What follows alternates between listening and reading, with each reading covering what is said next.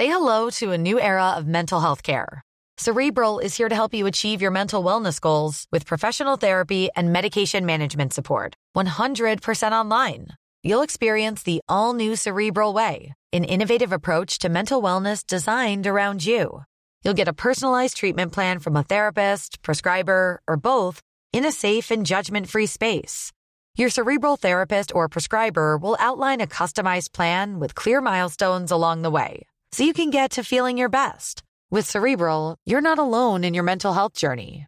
We're here to empower you to live a fulfilling life. So take that first step towards a brighter future and sign up today at cerebral.com slash podcast and use code ACasts to get 15% off your first month. Offer only valid on monthly plans. Other exclusions may apply. Offer ends July 31st, 2024. See site for details. Hey, I'm Ryan Reynolds. Recently, I asked Mint Mobile's legal team if big wireless companies are allowed to raise prices due to inflation. They said yes. And then when I asked if raising prices technically violates those onerous two year contracts, they said, What the f are you talking about, you insane Hollywood ass? So to recap, we're cutting the price of Mint Unlimited from $30 a month to just $15 a month. Give it a try at mintmobile.com slash switch. $45 up front for three months plus taxes and fees. Promo for new customers for limited time. Unlimited more than 40 gigabytes per month. Slows. Full terms at mintmobile.com. If you thought the only way to get a more defined jawline with natural looking results was through surgery, think again. Juvederm Volux XC is a non surgical injectable gel filler that improves moderate to severe loss of jawline definition and can help you achieve natural looking results with little downtime. Even better, this improved definition lasts up to one year with optimal treatment. No maintenance required. Improve jawline definition for a smooth, sculpted look with Juvederm Volux XC. For important safety information and to find a licensed specialist, visit juvederm.com. That's J U V E D E R M.com. Not for people with severe allergic reactions, allergies to lidocaine, or the proteins used in Juvederm. Common side effects include injection site redness, swelling, pain, tenderness, firmness, lumps, bumps, bruising, discoloration, or itching. There's a risk of unintentional injection into a blood vessel, which can cause vision abnormalities, blindness, stroke, temporary scabs, or scarring. Talk to a licensed specialist to find out if it's right for you. Helt siden de første menneskene slo seg ned i Trøndelag, har det blitt observert underlige lys over Hessdalen. Fenomenet har blitt forsøkt bortforklart som syner sett av bygdetullinger og deliriske hallusinasjoner forårsaket av den lokale drikkekulturen.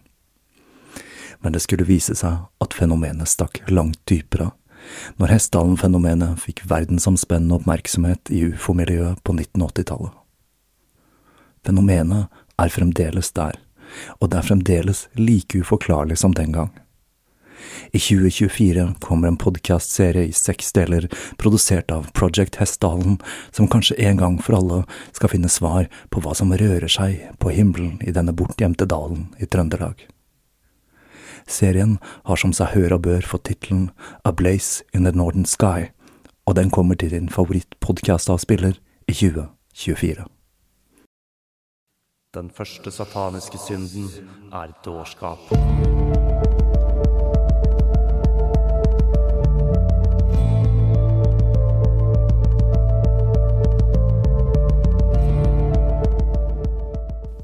Hei og velkommen til Tåkeprat. Jeg heter Even, og når jeg tar opp denne episode 62, så er det lørdag den 7. april 2018. Få personer har en så intens evne til å framprovosere følelser i folk som grunnleggeren av Church of Satan, Anton Sandor Lavey. Etter å ha drevet denne podcasten i 62 episoder, så har jeg fått henvendelser både fra lyttere som ønsker seg en serie om Lavey og Church of Satan, og lyttere som er sjeleglad for at det var Alistair Crowley jeg mente, og ikke Lavey, når jeg annonserte at jeg skulle ta for meg en av de viktigste personene i vestlig okkultisme før Prometheus-serien. Nå må det vel sies at jeg ikke ser på Lavey som en av de viktigste personene i vestlig okkultisme, men først og fremst grunnleggeren av en filosofi og et livssyn, i tillegg til da å være en svært fargerik figur. En rekke kjente musikere og personligheter har omfavnet Lavey og hans filosofi, og her er det vel verdt å nevne både King Diamond og Marilyn Manson. I tillegg så har Church of Satan figurert en del i mediene, Som den første etablerte sataniske religionen, så har de fått en del oppmerksomhet, ikke minst under den beryktede Satanic Panic på 80- og 90-tallet, hvor igjen frykten som drev hekseprosessene, viste seg. Vi hadde jo da vår egen bølge med dette her til lands også. Det er jo heller ikke til å stikke under bordet at eh, Church of Satan til tider kan være skrekkelig glorete. For det er ikke alltid det treffer like godt med sine rituelle kostymer, uansett hvor mange nakne damer det er i bakgrunnen. Moderne satanisme, eller satanisme som religion, dreier seg ikke om svarte messer med barneofringer, men om et livssyn som opererer i grenseland mellom filosofi og religion. Man kan nesten kalle satanisme for en form for militant ateisme. Satan betyr tross alt fiende eller motstander. I denne serien så bruker jeg da Satan, satanisk og satanisme for å referere til Church of Satan og LaVeys filosofi. Om jeg refererer til noe annet, så vil jeg spesifisere dette i motsetning til i dagligtale, da jeg ville ha spesifisert at det var Church of Satan jeg snakket om. Det finnes nemlig svært mange former og retninger innen satanisme i dag, som for eksempel The Temple of Set, selv om denne gruppen riktignok da ikke omtaler seg selv som satanister, men setister, så er dette da en bevegelse som brøt ut av Church of Satan, og senere ble frontet av blant annet LaVeys datter Sina. En ting som er blitt brukt som kritikk av Lavey, er at eh, det å organisere og starte en satanisk religion er noe mange har tenkt på, og mange kunne ha gjort. Dette er da en type argumentasjon som faller på steingrunn, for det hjelper ikke å tenke på hva man kunne ha gjort. Lavey han gjorde det, og attpåtil så tidlig som i 1966. En årsak til denne kritikken kan være at Church of Satan mener at de er den eneste som har rett til å kalle seg satanister, og med det så anerkjenner ikke andre sataniske grupperinger. Selv om de da mer eller mindre følger de samme prinsippene som Church of Satan. Det er noe jeg føler nok kjennetegner disse gruppene litt. De har en tendens til å være steile og havne i konflikt med hverandre. Det er noe vi skal se en del av i denne serien når det gjelder interne stridigheter i Church of Satan. Så parallelt med framveksten til Blomsterbarna, og mens The Summer of Love pågikk for fullt, så vokste en annen og langt mørkere bevegelse seg fram i San Francisco. La meg først forsøke å komme med en kort forklaring om hva vi faktisk snakker om her når vi snakker om satanisme. Jeg kommer da selvsagt tilbake igjen til dette gjennom hele serien, men her er da kortversjonen av det livssynet Church of Satan forfekter. Satanisme forherliger de jordiske aspektene ved mennesket og opphøyer disse som det ypperste i livet. En fin illustrasjon på dette er bruken av pentagrammet. I ordinær magisk tradisjon så bruker man pentagrammet med spissen opp som et symbol på de magiske elementene ild, jord, vann, luft og ånd, hvor da den øverste spissen i pentagrammet symboliserer ånd som det øverste elementet i praksisen. I satanisme så snur man pentagrammet opp ned, og med det så setter man det åndelige nederst og opphøyer det materielle ved tilværelsen. Satanisme er med andre ord en materialistisk religion som forherliger og feirer jordiske gleder, individualitet og nytelse. De bruker da navnet Satan som et symbol på motstand mot de store verdensreligionenes fokus på avholdenhet og tilgivelse. Som satanist så vender du ikke det andre kinnet til, du slår igjen med dobbeltstyrke eller eventuelt gjør mot andre som de gjør mot deg. Øye for øye, tann for tann, altså. På mange måter så kan vi si at eh, samfunnet vi lever i i dag, i stor grad er sentrert rundt sataniske idealer, der fokus hos folk flest er forbruk og tilegne seg jordisk gods, og med stort fokus på den ytre framtoningen. Men eh, der satanisme skiller seg fra det øvrige samfunnet, så er dette en bevisst handling fra en satanist. Kim Kardashian kan på mange måter sies å være en legemliggjørelse av sataniske verdier. Satan er altså ingen fysisk guddom, som da en skikkelse med horn, hale og kløvde føtter, men et symbol på jordisk begjær i individet. Og siden satanisten mener at mennesket skapte Gud, så er den høyeste guden mennesket selv. Det som kanskje vil overraske mange, er at Church of Satan faktisk er ganske konservative i en del syn, noe som nok reflekterer tiden LaVey selv vokste opp i. Og dette er nok også noe som kan være med på å forklare stridighetene, både internt og med andre grupper. I denne serien skal jeg først og fremst se på livet til LaVey, og hva som motiverte han til å starte verdens første organiserte sataniske religion. For elsker han eller hate han, det krever jo da en spesiell personlighet for å starte en ny religion. Og en spesiell personlighet, det er noe denne mannen hadde i bøtter og spann. Dette er også en historie som skulle vise seg langt mer komplisert å koke i hop enn hva jeg først hadde antatt. Riktignok så føler jeg vel at jeg har en ganske god oversikt over liturgien og filosofien til Church of Satan, men Lavey han var en skikkelig merkelig figur det er svært vanskelig å grave fram til historien til og bli klok på. Sånn sett så kan vi si at Lavey var en genuint okkult figur. En stor utfordring det er bruken av kilder. Som hovedkilde til livshistorien til LaVey, så har jeg da valgt å bruke The Secret Life of a Satanist av Blanche Barton, som da er den nyeste av de autoriserte biografiene til LaVey. Utfordringen med denne boka er at dette dreier seg om satanisk litteratur. Blanche var nemlig den som overtok som leder og ypperste prestinne i Church of Satan i en liten periode etter LaVeys død, og hun er også mor til hans sønn Serxes. Allerede etter de første paragrafene i boka så kommer satanisten i Blanche frem, for språket som brukes av Lavey og Church of Satan har sin helt egne pompøsitet og tone. Hennes nære forhold til mannen som mediene døpte Den svarte paven, gjør også at enkelte aspekter av hennes versjon av historien er setter store spørsmålstegn ved. Blanche lar nok fascinasjonen for og fortellingene til denne mannen løpe litt for løpsk fra tid til annen. I hennes beskrivelser så var det rett og slett ikke måte på hvor til de grader dyktig han var til så å si absolutt alt han forsøkte seg på. I tillegg så finner vi inngående beskrivelser av opphavet til alle Laveis seksuelle fetisjer, og boka inneholder til og med en kronologisk oversikt over alle forbannelsene Lavei lyktes med i løpet av livet. Folk han angivelig tok livet av med satanisk magi, altså. Om eh, du sjekker ut eh, Wikipedia-siden til Lavey, så vil du legge merke til at den er ispedd en hel rekke Lavey fortalte at, og ifølge Lavey så gjorde han slik og slik. Dette gjelder spesielt hendelsene i den første delen av livet hans, de jeg skal dekke i eh, denne episoden.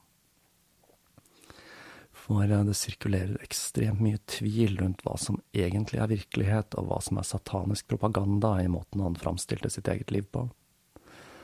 Det som er fryktelig fascinerende, og som jeg etter hvert har begynt å ta inn over meg, er at om alt LaVey fortalte om oppveksten sin, og om hvordan han fikk ideene til Church of Satan, er oppspinn, så gjør ikke det han til en falsk satanisk ypperste prest. Om noe så gjør det han enda mer genuin. Glem ikke at mørkets fyrste også er løgnenes far. Sannheten er for de som har gjort seg fortjent til den. LaVey var rett og slett en skikkelig luring han sier rett ut at han benytter seg av mentalisme og illusjoner i praktiseringen av sin religion. Er det noen jeg vil sammenligne ham med, så må det jo være John Dees Edward Kelly, en sammenligning som blir forsterket av at LaVey bruker det enokianske språket i ritualene sine, altså englespråket til Dee og Kelly, som jeg har dekket her i tåkeprat i det vide og det brede, både i serien om Alistair Crowley og Voynich-manuskriptene, om da ikke enda flere episoder. Jeg har derfor valgt å fortelle denne historien i stor grad slik den fortelles i mytologien til Church of Satan, uten da å gjøre for mange krumspring og stille for mange spørsmål. Men det blir jo noen, da, for eh, enkelte ganger så dukker det opp hendelser som eh, skriker etter å bli analysert litt eh, grundigere. Så enten du velger å tro på denne versjonen eller ei, i denne episoden så ser jeg på oppveksten og livet til Lavey frem til han flyttet til sitt berømte svarte hus, hvor frøet til hans sataniske menighet ble sådd. Thank you.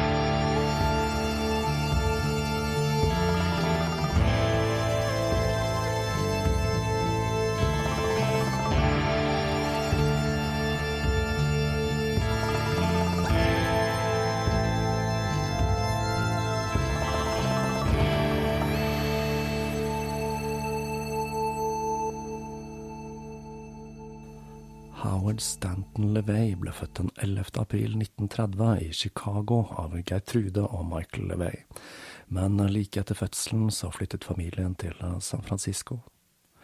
Det litt eksotiske utseendet til LeVay skyldes, da ifølge han selv, at han var av rumensk sigøynerslekt gjennom sin bestemor Luba Colton, som var fra Ukraina. LaVey, eller Tony som han ble kalt når han var liten, var fascinert av det overnaturlige og okkulte fra barnsben av. En interesse som ble ytterligere forsterket av at bestemoren fortalte lille Tony historier fra sitt hjemland Transylvania, noe som gjorde at han allerede i tiårsalderen droppet fornavnet Howard til fordel for mellomnavnet Sandor som en hyllest til sitt rumenske opphav. Han begynte også å skrive etternavnet Lavey med A fremfor E, på samme måte som sin onkel Bill. Selv sa Lavey at han trålet det han kunne finne av okkult litteratur, men ingenting resonnerte med han. Der han derimot fant det han lette etter, var i fiksjon, som blant annet i HB Lovecrafts mørke univers, og ikke minst Robert E. Howard, som fascinerte den unge Tony. LaVey med sine sære interesser var en ensom ulv i barndommen, og han var ikke opptatt av sport og lek som de andre barna. Det han derimot syntes var gøy, det var å arrangere militærparader og lage hemmelige ordener, da i tillegg til å lese. Noe som får meg til å tenke på både Jim Jones og HB Lovecraft. Jones med sine militærparader og Lovecraft med sin tilbaketrukkenhet og lesing, altså. Skolen var en utfordring for Tony, og han var mest fornøyd når han skulket skolen for å studere de tingene som interesserte ham mest. Forholdet til foreldrene hans var uproblematisk. De ga han frihet, og han fikk stort sett gjøre som han ville. Det skulle komme godt med når han startet på et av de viktigste aspektene i livet hans, musikk. Hans eh, talent med musikk skal ha blitt oppdaget svært tidlig. Allerede i femårsalderen så spilte han en melodi på en harpe i en musikkbutikk, og med dette så hadde foreldrene latt han prøve ut ulike instrumenter og retninger. Når han var 15, så var han da andre obo i San Francisco Ballettorkester, og han var også trekkspillærer for jevnaldrende i en liten periode. Men som vi skal se etter hvert, så var det tangenter som skulle være hans styrke og førstevalg, enten som organist eller keyboardist. Tony hadde en deformasjon, en ekstra ryggvirvel nederst på halebeinet, noe som skapte en del problemer for han i 11-12-årsalderen, og som førte til at han flere ganger fikk en betennelse som gjorde at han måtte på sykehuset. Dette gjorde også at han var svært sjenert i gymtimene på skolen, og han ble gjort narr av, noe som forsterket hans fremmedgjøring overfor sine medelever ytterligere. Dette førte til at han etter hvert fikk en lege til å frita han fra gymtimene. Våren 1945 fikk Tony være med en av sine onkler, som var sivilingeniør, til Tyskland, der han skulle gjenoppbygge flyplasser for den amerikanske hæren. Under dette besøket fikk den unge gutten se filmer konfiskert fra nazistene. Blant disse så han blant annet Kaligaris kabinett og filmer produsert i de legendariske UFA-studiene, som blant annet nazipropaganda som Hitler-junge Quex. Jeg mener da å huske dette var en film Lene Riefenstahl takket nei til å lage, da hun hadde høyere ambisjoner, da til Goebels store fortvilelse. Den lille Lavey hadde hørt rykter om en orden av eh, satandyrkende nazister som var en del av Det tredje riket, og dette pirret den mørke fantasien hans ytterligere. Kan noen være så snill lage en nazi-satanist-zombiefilm, please? På lesefronten så var det tre personer som skilte seg ut som menn Lavey mente brukte djevelens krefter for å gagne seg selv, nemlig Rasputin, Cagliostro og sør Basil Zaharov. Rasputin er da en ekstremt spennende figur, og fortellingen om han den er svært omfattende. Og dette er en mann jeg har hatt på listen over personer jeg har tenkt til å dekke her i Tåkeprat i en god stund, og jeg har da også jobbet en del med det materialet. Men nå så jeg jo da at The Last Podcast on the Left akkurat startet en serie om han, så da blir jeg nok avventet litt før jeg setter sammen den serien. Ikke fordi jeg føler at jeg konkurrerer med den fantastiske podkasten der, Tåkeprat har da en ganske annerledes stil og angrepsvinkel på tematikken, men det kan vel raskt bli litt for mye Rasputin for lyttere som hører begge, og jeg har selv lyst til å høre serien uten å være redd for at den farger min gjenfortelling. Rasputin var da en eh, merkelig figur. En skjeggete, illeluktende raring fra den russiske landsbygda som hadde et vanvittig drag på damene, og som etter hvert ble et fast innslag ved Sarensov, og da spesielt næret Sarinaen, fordi han hevdet å kunne kurere sønnen hennes som var bløder. Han ble da en av de viktigste figurene i Russland, og fram til den dag i dag så var han omgitt av en aura av mystikk.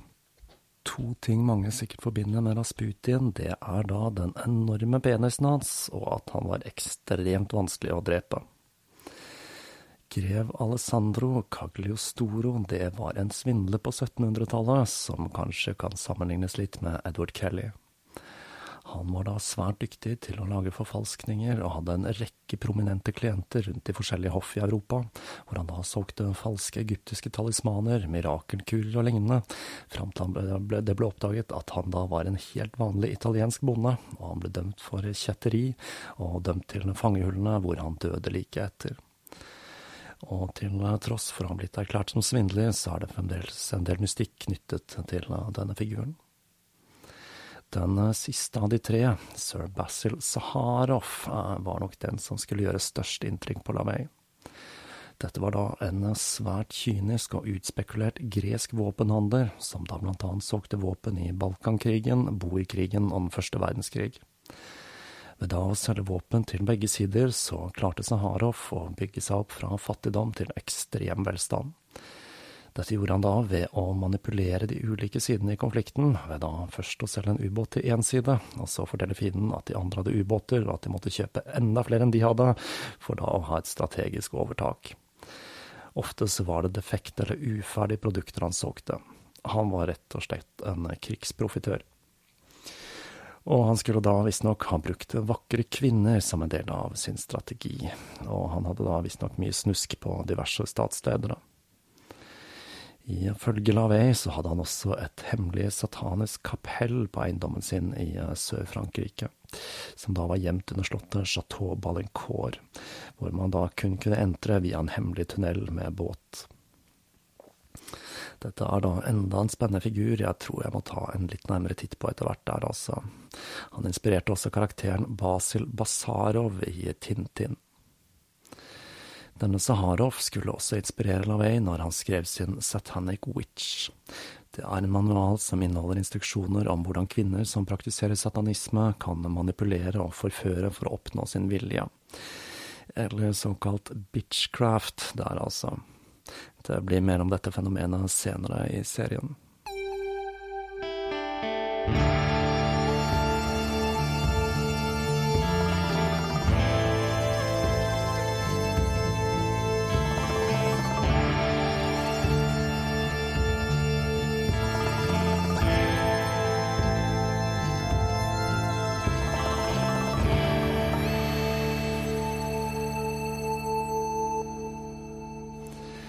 Mens Tony begravet seg i litteratur om personer som dette, så følte han da et enda større sprik til sine jevnaldrende, og han begynte å henge ut i såkalte pool halls.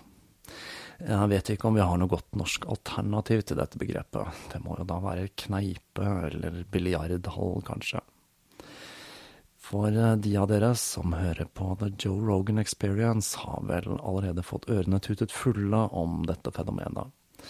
Dette var også en egen kultur med mennesker som gamblet, drakk og levde i disse poolhallene, da gjerne ungkarer.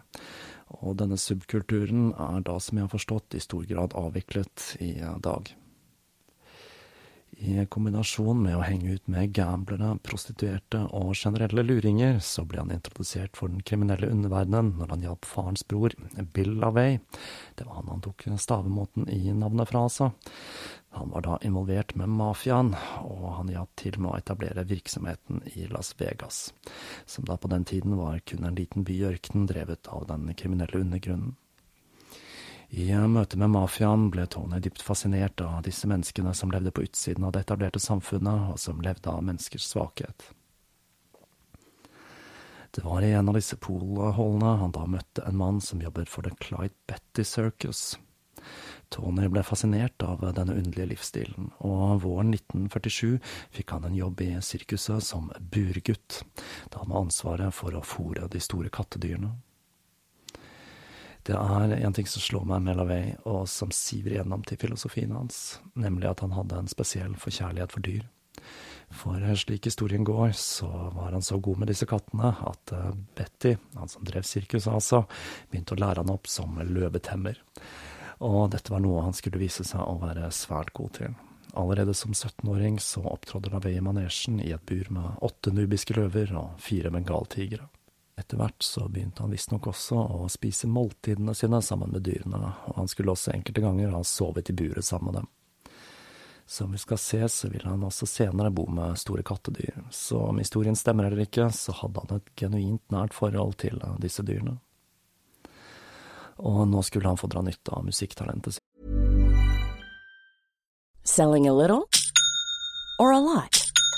Shopify helps you do your thing however you cha-ching. Shopify is the global commerce platform that helps you sell at every stage of your business. From the launch your online shop stage to the first real life store stage, all the way to the did we just hit a million orders stage. Shopify is there to help you grow. Shopify helps you turn browsers into buyers with the internet's best converting checkout. 36% better on average compared to other leading commerce platforms because businesses that grow grow with Shopify. Get a $1 per month trial period at shopify.com/work. shopify.com/work.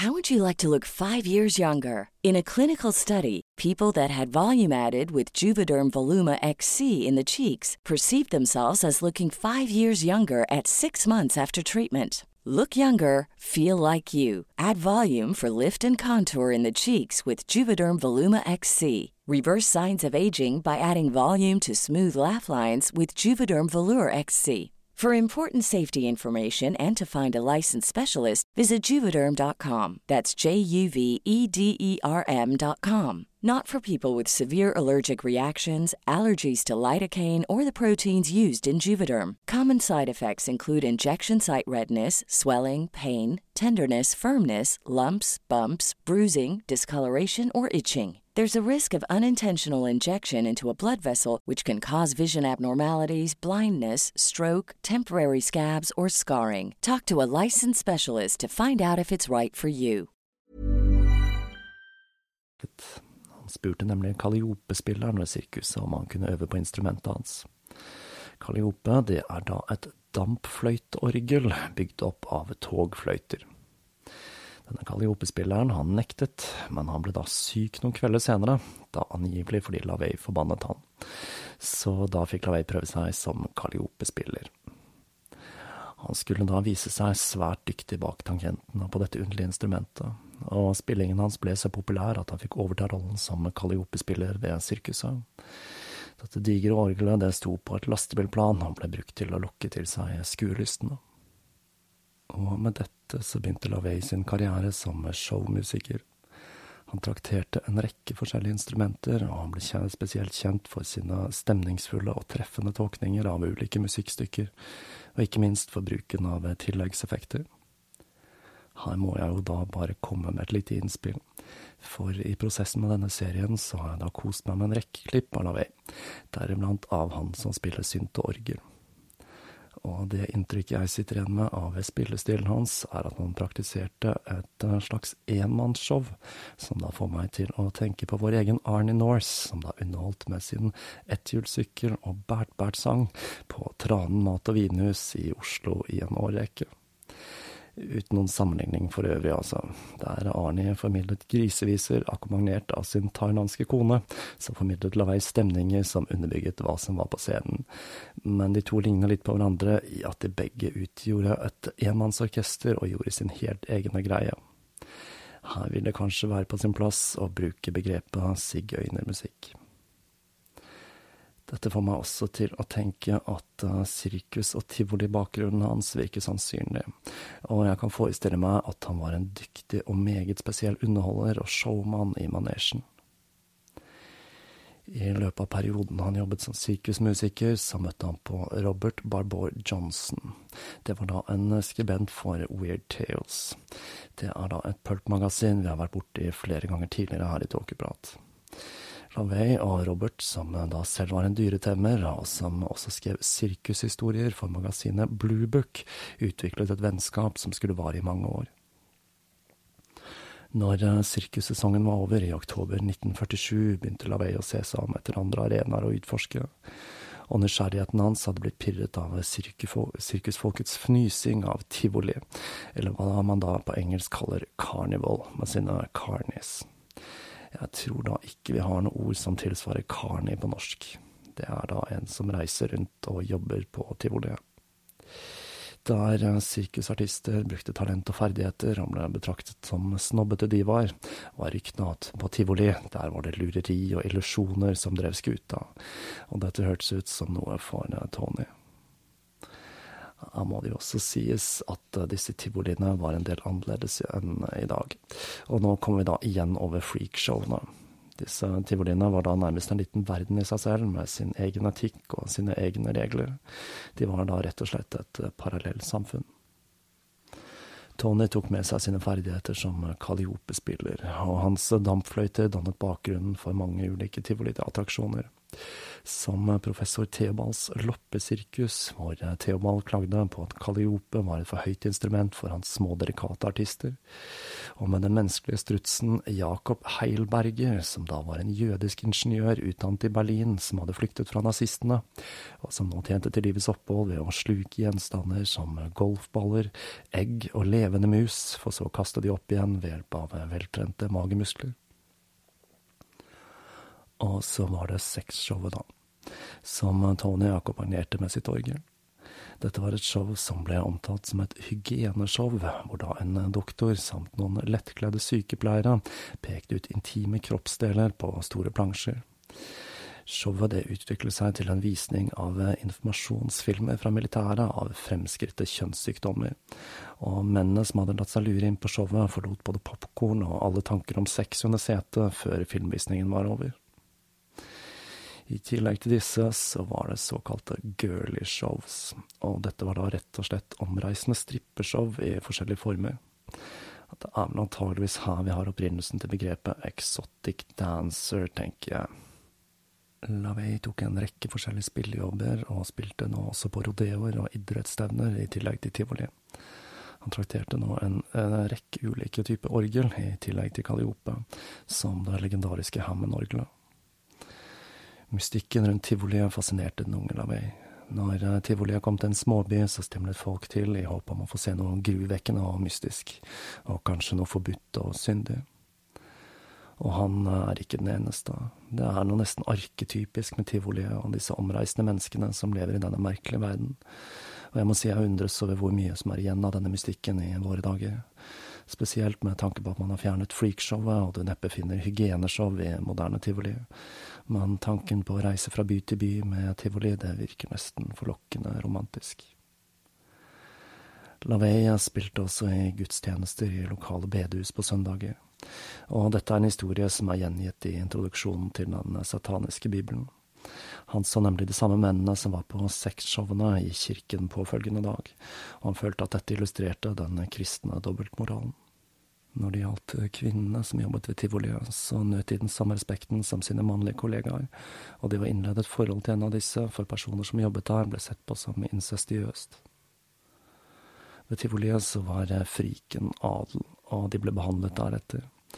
De med naturlige deformasjoner ble sett på som personer med spesielle nådegaver, og i tivoliets verden hadde de en stjernestatus de aldri ville ha muligheten til å oppnå i de normales verden. I denne perioden, hvor han da iførte seg klassiske tivoliklær, komplett med en syltynn mustasje, lærte LaVey seg ulike former for illusjonisme og mentalisme, og det var her han blant annet lærte seg hypnose, en kunst han skulle få bruk for senere i livet.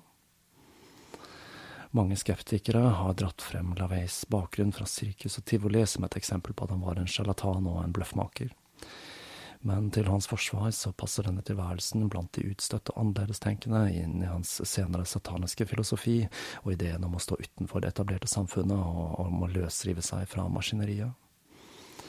I tillegg til den kritikken så forsøkte journalisten Lawrence Wright å finne bevis på LaVeys bakgrunn fra sirkus og tivoli, uten å lyktes med dette. Så det ble altså sådd tvil om LaVeys ektehet, både fordi han da hadde en bakgrunn fra sirkus og tivoli, eller fordi han kanskje ikke hadde det. Så sirkus eller ikke, usikkerhet, mystikk og skepsis er et nøkkelord når det gjelder Anton LaVey, og jeg har etter hvert blitt overbevist om at dette er nøkkelen til å forstå denne mannen.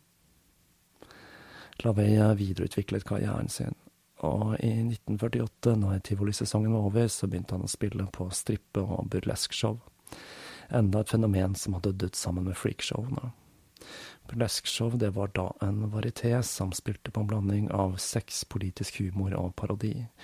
Og denne uttrykksformen har da fått en liten renessanse i den senere tid, siden storhetstiden som var mellom 1930 og 1960.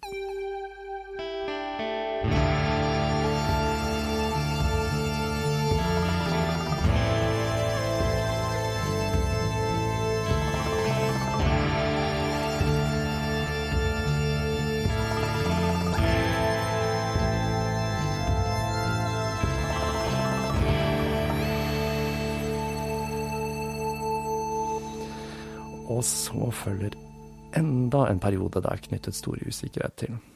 LaVey fortalte nemlig en historie fra sin periode i LA som har vakt en del oppsikt.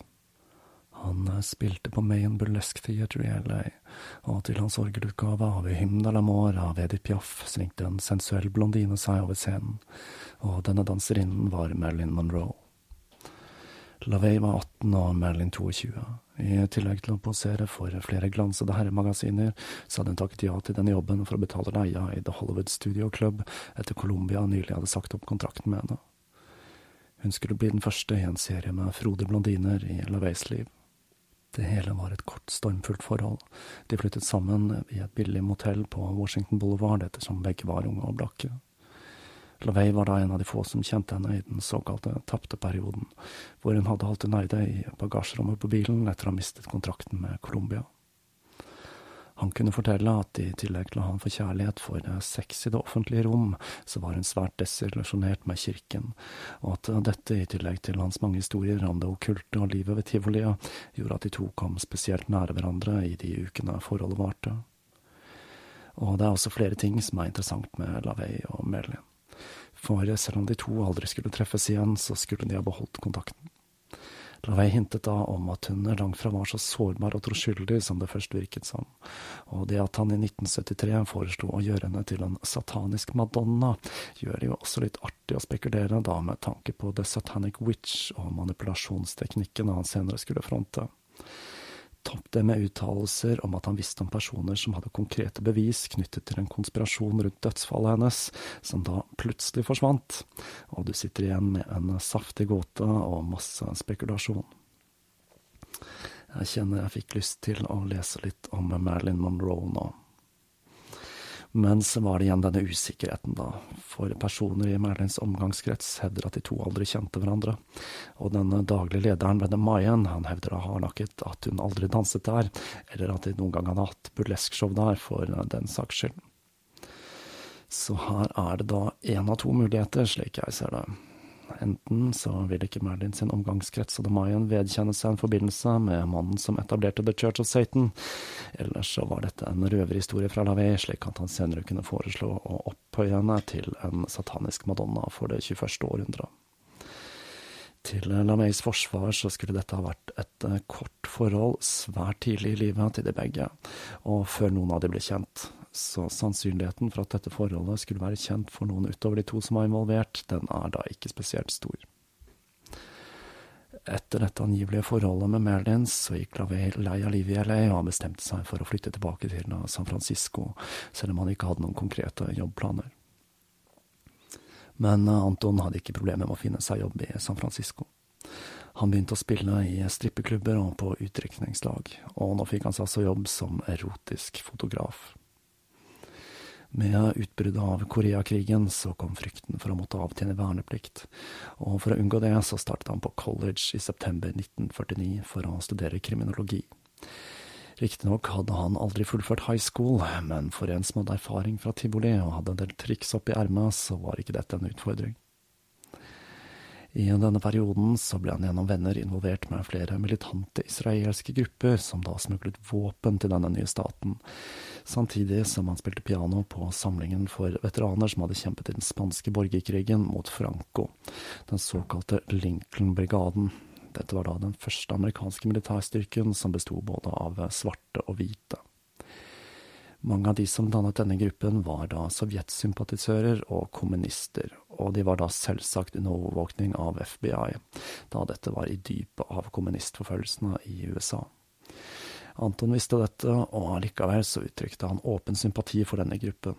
Han så da altfor mange likhetstrekk mellom kommunist- og hekseforfølgelsene.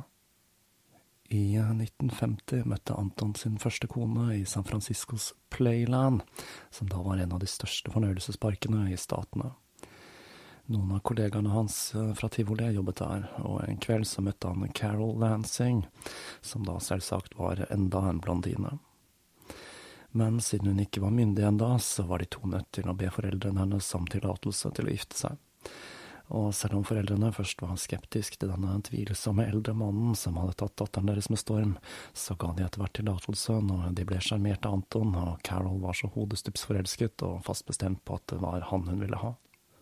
For å bidra til husholdningen og til sin nye kone, så kombinerte han kriminologiutdannelsen sin med en jobb som politifotograf. I denne jobben så tok han da åstedsfotografier, enten det dreide seg om drap, selvmord eller trafikkulykker, noe som ga han et ekstraordinært innblikk i livets mørke realiteter. Men Anton følte at kameraet var for begrensende, han begynte også å male eksperimentelle, groteske motiver. I 1951 var hans fascinasjon for det mørke og antipati for etablert religion blitt så sterk at han oppsøkte miljøer som så ut til å dyrke mørke krefter. Han tok da kontakt med den telemiske ordenen i Berkeley, men LaVey ble skuffet. Følgerne til mannen som ble omtalt som verdens vondeste mann, var mer opptatt av esoterisk tradisjon og orientalsk filosofi enn mørke krefter. Han oppdaget raskt at ryktet til Alistair Crowley som satanist hadde lite med virkeligheten å gjøre. Det er synd han ikke hadde tåkeprat tilgjengelig da, så kunne han spart seg for en tur til Berkeley.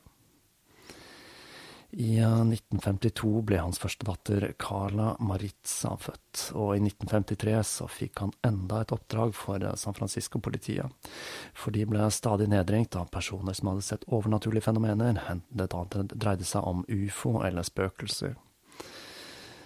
Og med det så ble Anton Lavey 50-tallets svar på åndenes makt, rett og slett en spøkelsesjeger, altså. Han rykket da ut til diverse husstander der det var observert, aktivitet, bevæpnet med en båndopptaker og et kamera med infrarød film. Men uh, disse apparatene skulle raskt vise seg å være unødvendige, for som regel så dreide dette seg om ganske naturlige fenomener, enten det da var døende dyr som hadde satt seg fast under verandaen, eller om det var vinden som ulte i en rusten hermetikkboks men framfor å komme med en skuffende forklaring om at det hele dreide seg om et naturlig fenomen, så begynte han å rense de hjemsøkte husene, og etter hvert så begynte da ryktet hans å vokse seg så stort at folk tok direkte kontakt med han for å få renset husene sine, og innen få år så hadde han da et ganske stort klientell som betalte gode penger for disse husrensingene. I tillegg så tilbød han tjenester som hypnose, som han da utførte for røykeslutt, vektkutt og selvtillit, i tillegg til å lage talismaner og kaste kjærlighetsformularer osv. Han tjente da så godt på denne virksomheten at han ikke lenger behøvde jobben ved San Francisco-politiet.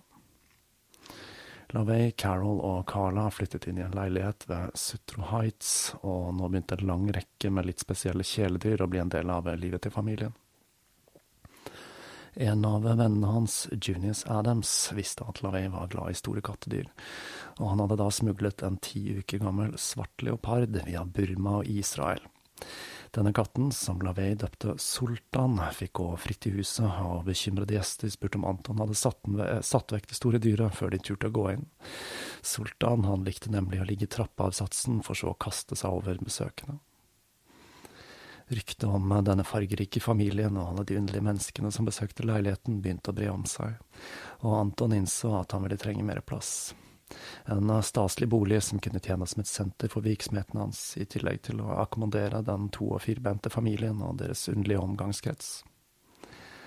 Anton fortalte eiendomsmegleren sin om hva slags type hus han så for seg, og på vei til en visning for å se et hus nær i klippene ved Golden Gate, så kjørte de forbi et gammelt, slitt, grått viktoriansk hus med et uh, solgt-skilt på porten. Lavey lot ikke skiltet skremme han. Eiendomsmegleren advarte Anton om at dette slettes ikke var den typen hus han var på utkikk etter, men han gikk med på å introdusere ham for huseieren, som da en historiker med en interesse for interiørdesign. Eieren ble sjarmert av Antons entusiasme og viste han rundt i huset. I løpet av samtalen kom det fram at det var blitt brukt eh, til en rekke ulike eksentriske formål. Blant annet så ble det holdt seanser der, og det hadde også fungert som et bordell. Av de mange lystige aktivitetene som hadde foregått der, så hadde det blitt installert mange hemmelige dører, ganger og rom, annet brukt til å rane klienter ved bordellet mens de ble underholdt av dets mange fristerinner. Det var så mange hemmelige ganger der at det var mulig å bevege seg gjennom hele huset usett. Da Anton fortalte at han hadde tenkt å praktisere magi der, bestemte eieren seg for at han var den rette til å kjøpe det, ettersom han kom til å bidra til historikken til huset. Og etter litt kjøpslåing så ble han den nye eieren. Dette huset skulle bli et ikon for Church of Satan og Anton Lavey. Det første han gjorde, var nemlig å male det svart. Da det ikke var noe svart husmaling å oppdrive, så kjøpte han da svart ubåtmaling fra et militært overskuddslager. Med sin vakre unge kone, datter og ikke minst enorme svarte katt i lenke, så var dette virkelighetens Adams Family som hadde flyttet inn i nabolaget. Huset var bygget av tømmer fraktet dit i 1887 av en skotsk kaptein som eh, hadde dette som ballast i skuta. Han hadde bodd der i seks år sammen med sin kone, før hun forsvant på mystisk vis og han forlot byen og aldri ble hørt fra igjen. I husets salong så var det en enorm peis som skulle være bygd av steiner fra romerske ruiner fraktet fra England som ballast skip og dumpet i havna i San Francisco. Eieren hadde fått en murer til å lage en peis av steinene etter jordskjelvet i 1906, da disse hadde blitt fjernet som en del av arbeidet med å gjenoppbygge havna. Dette enorme ildstedet skulle tjene som alter med tilbakelente nakne kvinner i de sataniske seremoniene som skulle gjøre Church of Satan verdenkjent i årene som kom. Det gikk ikke lang tid før denne eksentriske mannen og hans svarte hus ble et samlingspunkt for en rekke innflytelsesrike og eksentriske mennesker, som etter hvert skulle utgjøre hva Anton omtalte som Den magiske sirkel.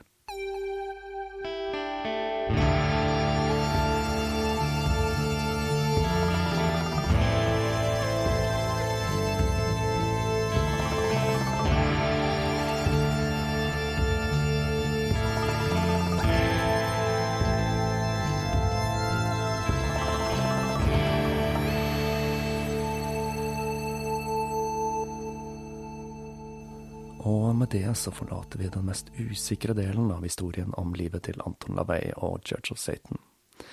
Spørsmålet jeg stiller meg, det er om dette ikke stemmer, hva er da egentlig sannheten? For Lavey han dukket vel neppe opp fra et hull i bakken. Eller kanskje det var nettopp det han gjorde. Motstridende argumentasjon er noe som preger kritikken av Church of Satan og denne historien, og det får meg til å spekulere i om mystikken rundt den første epoken i Laveys liv er plantet der nettopp for å skape usikkerhet. Magefølelsen min sier at det er en stor grad av sannhet i livshistorien slik den er blitt fortalt, men at det nok er lagt til litt og tatt ut elementer slik at den passer bedre inn i den sataniske doktrinen. Etter å ha sett en del intervjuer av Lavey og familie, så har jeg bitt meg merke i at Church of Satan har blitt utsatt for hva jeg vil beskrive som urimelig hard kritikk og analyse opp igjennom. Ikke minst i løpet av Satanic Panic-perioden. Dette har nok ført til at man har gått gjennom historien med lupe for å forsøke å finne usannheter. Men som jeg sa innledningsvis, det spiller egentlig liten rolle om han bløffet eller ikke, sa touché til Anton Lavey for det. I neste episode så skal vi se nærmere på opprettelsen av Church of Satan og den første perioden denne bevegelsen gjorde seg til kjenne i det offentlige rom. For historien blir ikke mindre spektakulær, selv om vi da beveger oss ut fra historiens mørke og mudrete vann og inn i medienes rampelys. Da gjenstår det vel bare atter en gang å oppfordre til å spre det glade budskap, rate i iTunes, følge på sosiale medier eller bli en patrion. All informasjon og linker det finner dere som vanlig på tåkeprat.com. Da får vi vel, som det seg høra bør, avslutte med skjemaforash.